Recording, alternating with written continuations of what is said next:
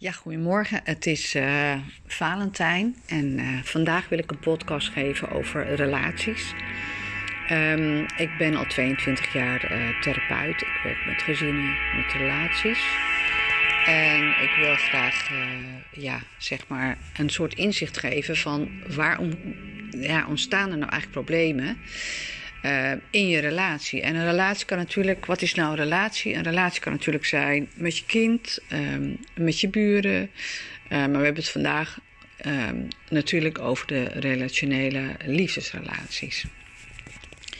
Ja, um, als ik mensen coach, gezinnen coach, probeer ik en ook zeg maar in uh, het zakenleven, probeer ik eigenlijk ja, zeg maar te voelen waar nou de basisbehoeften zijn en vanuit waaruit opereer je.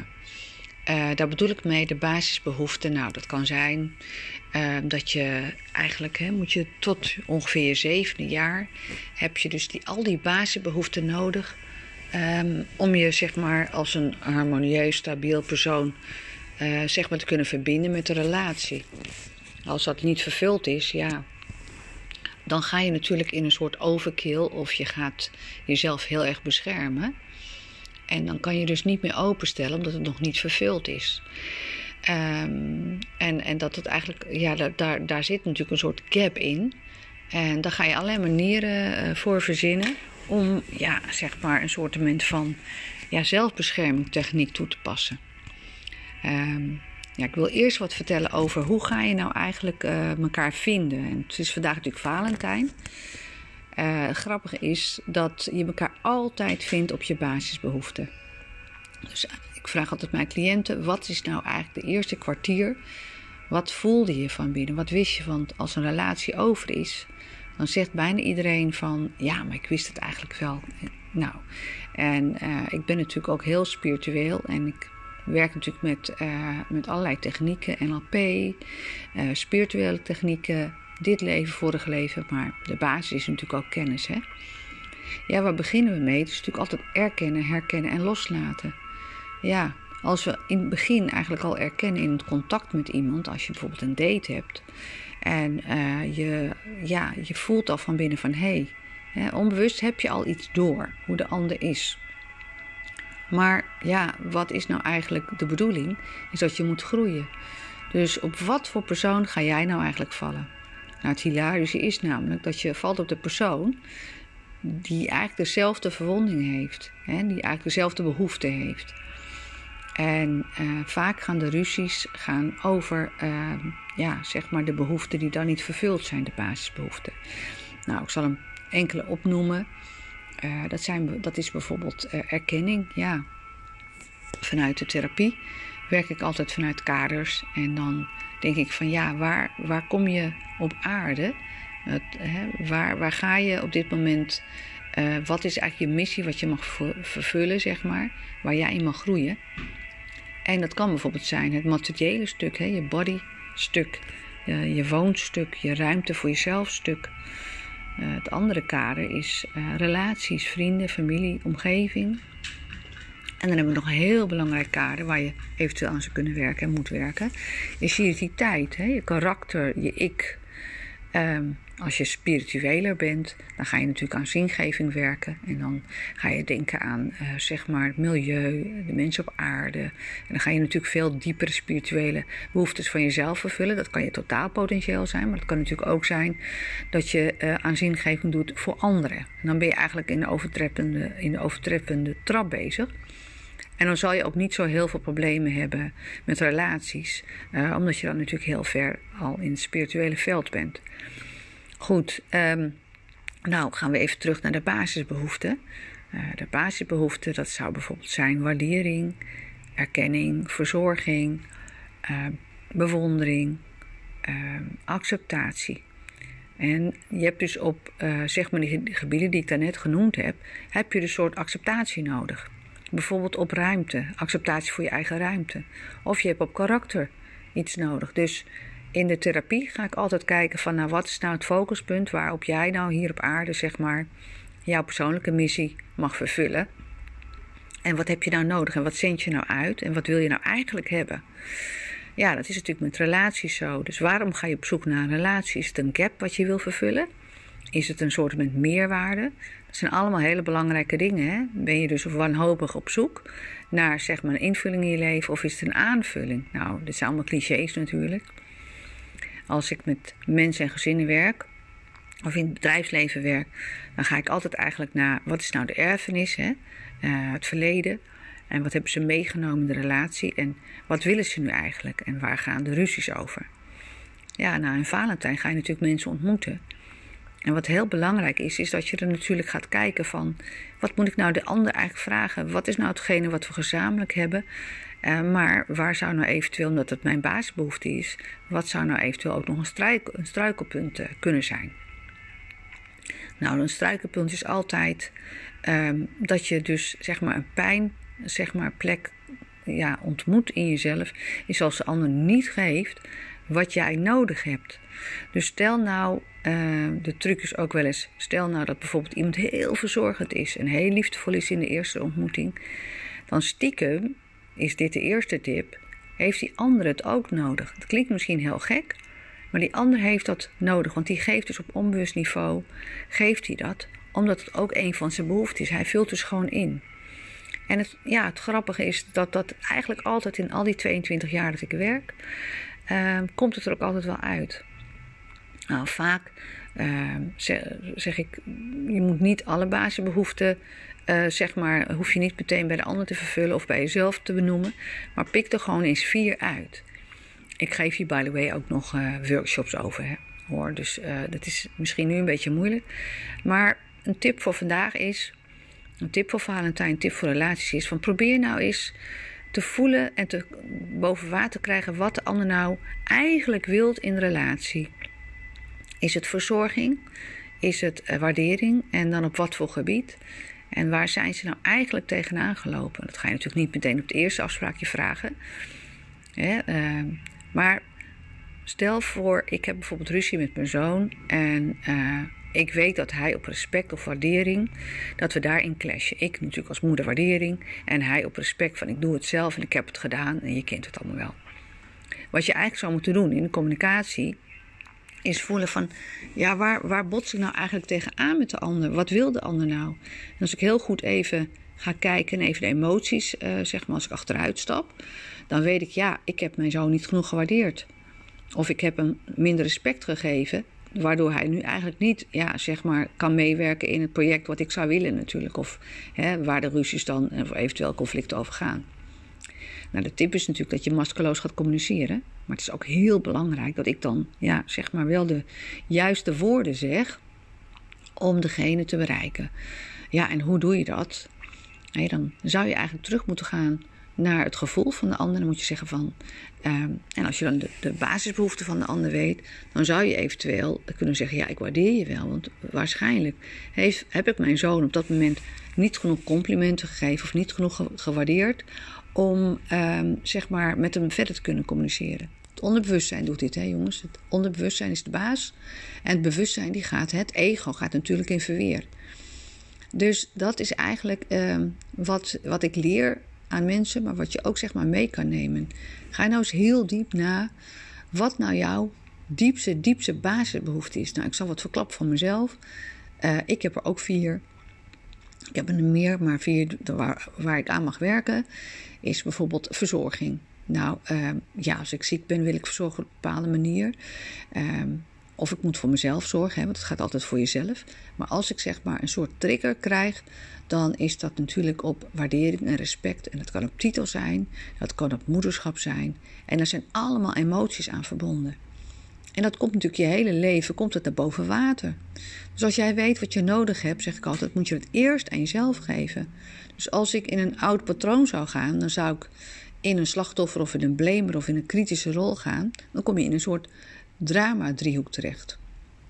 Nou, even weer teruggaan op communicatie. Probeer nou altijd te weten te komen. Um, en ja, let wel, er zijn workshops voor. Dus als je het wil weten, is echt super interessant om te weten. Want dit komt natuurlijk op alle levensgebieden voor. Hè? Op privé, werkplek um, en op spiritueel niveau.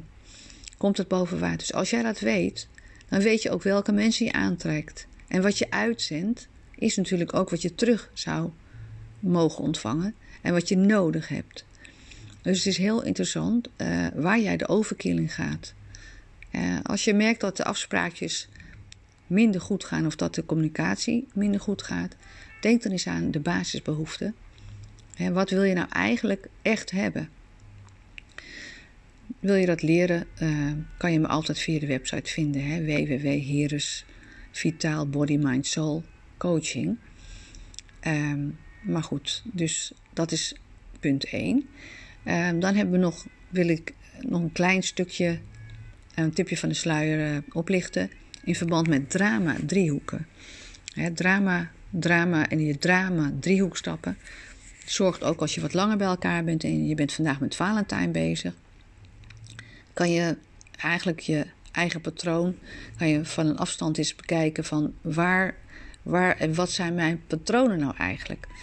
Nou, je hebt een aantal types in de relaties. Wij uh, als therapeut, ik doe natuurlijk mega veel. Ik ben NLP-trainer, mediamiek.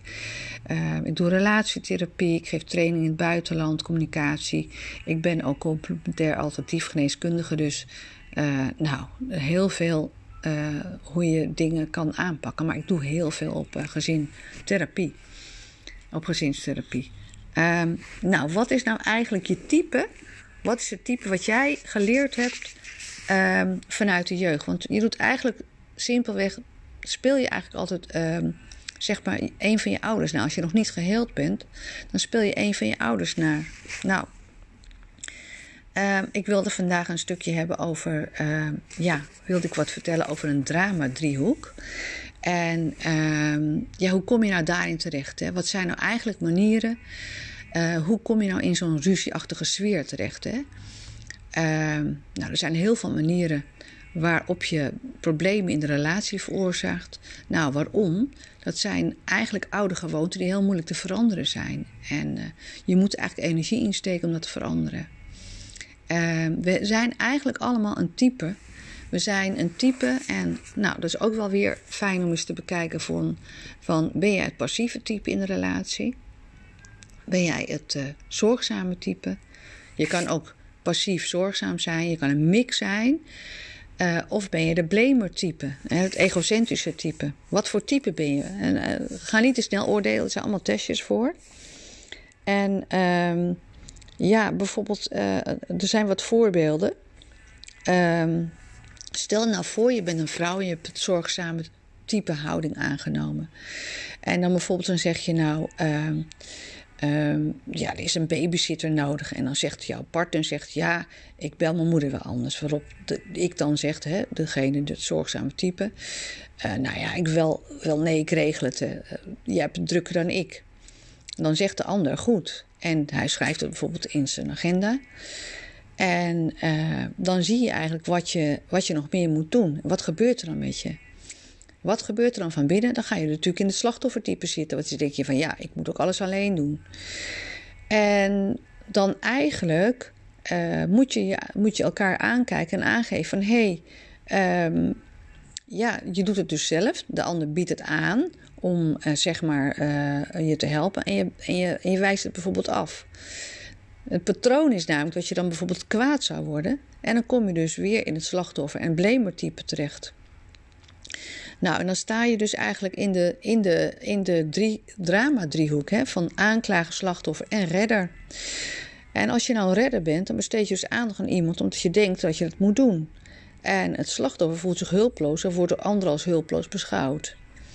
En de aanklager wordt op verschillende manieren kwaad. En die gaat altijd op die manier te werk. Dus wat ben je? Ben je de aanklager, slachtoffer of de redder? Nou, in dit, geval hè, van de babysitter. Uh, ja, speel je dan de rol van redder van ik kan alles.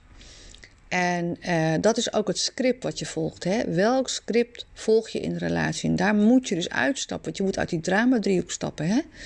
Dus als je dan ziet op dat moment, dan kan je ook zeg maar niet de slachtofferrol aannemen. Maar je moet dan hulp vragen. Want anders ga je dus weer in die drama-driehoek. Dan ga je slachtoffer en blamer worden. Je probeert de redder te zijn, maar je wordt dan een slachtoffer en blamer. Maar dat komt heel vaak voor in het huwelijk. Hè? De ene partij speelt de redder. Uh, die voelt zich dan, hè, dus vaak zijn vrouwen, dat die voelt zich dan slachtoffer. En dan gaan, gaan ze de aanklager spelen. En uh, nou ja, soms vindt die overgang van redder en slachtoffer en aanklager alleen in je hoofd plaats. Want het gebeurt natuurlijk allemaal in je hoofd. De ander weet het helemaal niet. Maar dat wordt soms natuurlijk ook uitgesproken. En uh, nou, het is heel goed mogelijk dat echtparen dus in die, in die driehoek terechtkomt. Het kan zelfs vanavond gebeuren met Valentijn. Maar dat kan je dus ook afleren. je kan van sommige uh, realiseren zich niet dat ze van de slachtoffer naar de aanklager overstappen. Hè? Uh, dus weet wat voor type je bent. Als jij een zorgzaam type bent, dan ben je dus de redder en dan wil je dus voor alle andere mensen zorgen. En als je passief type bent, uh, dan, ja, dan ga je vaak in de slachtofferrol zitten. Want je lijkt hulpeloos of je stelt je hulpeloos op. Hè?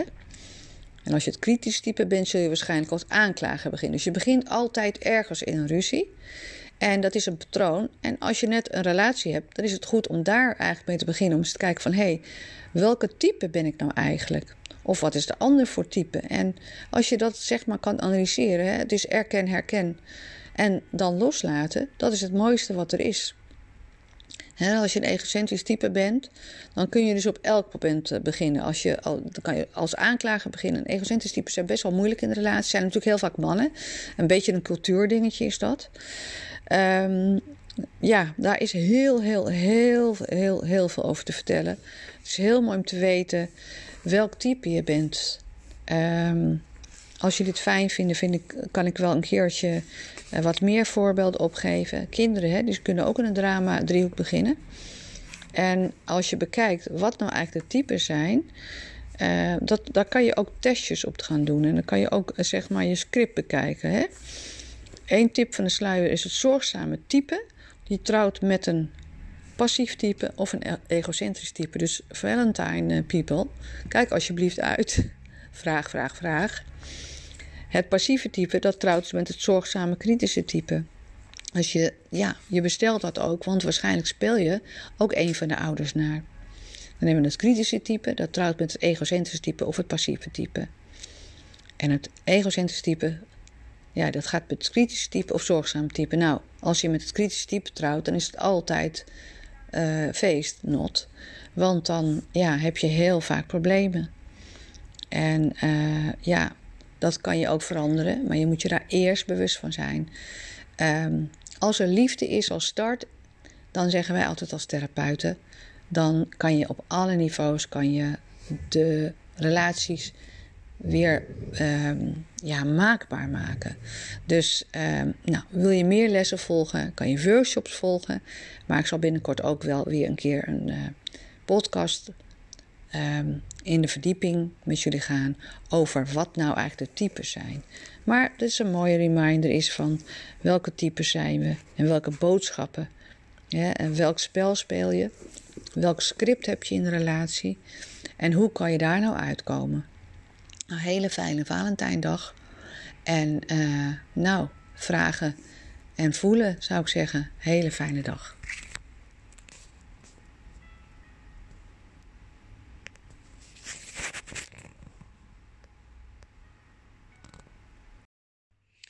Ja, dit boek gaat over uh, geluk. Ik uh, heb een e-book op de site gezet. De site kun je vinden www.heres Vitaal Body Mind Soul Coaching.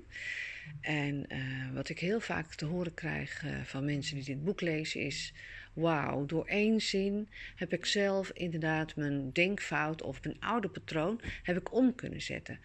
Nou, uh, op welke levensgebieden kan je nou gelukkiger worden? Want ja, geluk is natuurlijk zo'n abstract begrip. En als je op de, in Google duikt, dan zie je waanzinnig veel e-boeken.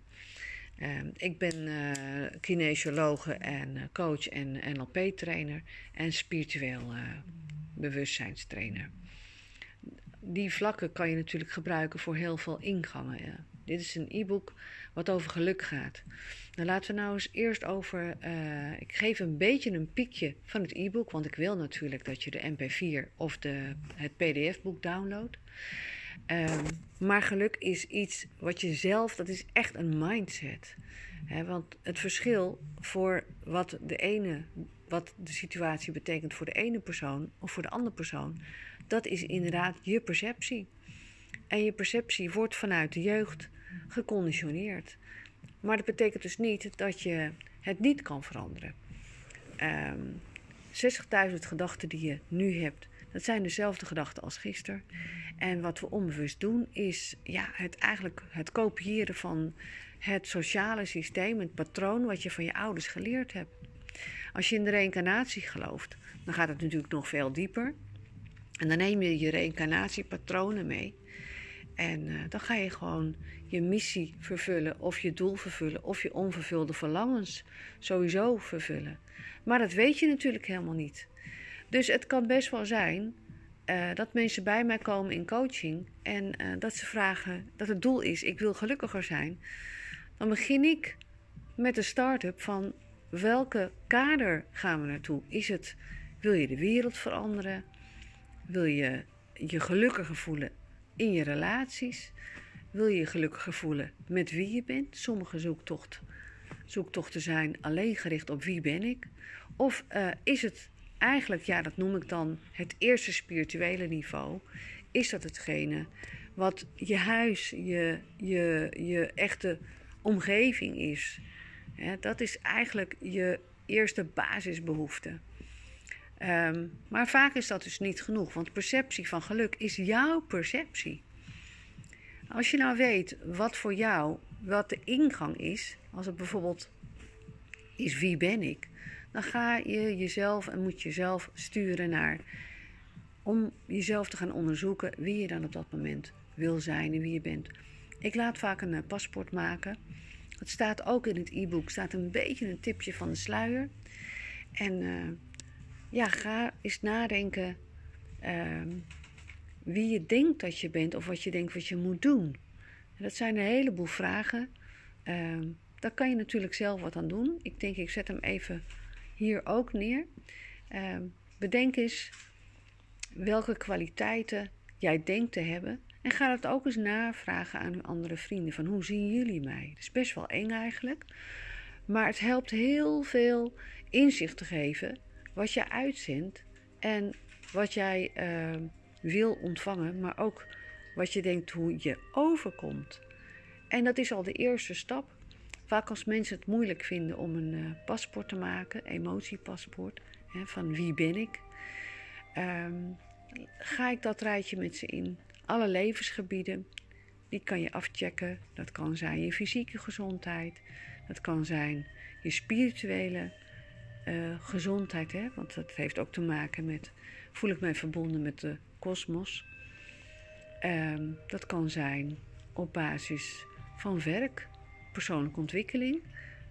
En wat ook heel belangrijk is, is dat je kijkt op kosmisch niveau.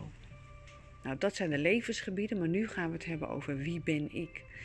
En uh, ik heb heel veel cliënten gevraagd om, uh, om een lijstje te maken. En uh, nou, dan hebben ze dus een cijferscore. Dan komen ze met een cijferscore thuis. Als ze dat, uh, via de app, hè.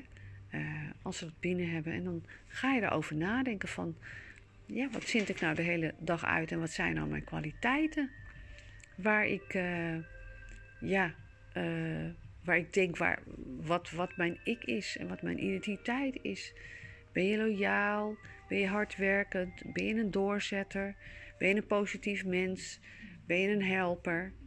Uh, ben je een bruggenbouwer? Dat zijn allemaal dingen wat met je ik te maken heeft. Dat kan je vormgeven, dat kan je gelukkig maken. En ja, ik zeg meestal het kaart is niet het gebied, maar we moeten wel kijken en het kompas ergens op stellen dat jij geluk kan vinden, want je bent op zoek naar geluk. Als jij weet wat jij nodig hebt in dit leven, dan kan je dat kompas stellen op, nou dan ga ik dus nu op zoek naar geluk via mijn identiteit. En als dat zo is, als dat in de coaching duidelijk uh, naar boven komt, dat dat je spirituele pad is, hè, jouw wens, jouw doel. Want dat is eigenlijk in je onbewuste uh, ja, kompas ingebouwd. Als je in reïncarnatie gelooft, dan is dat de missie waarop je uh, op aarde komt.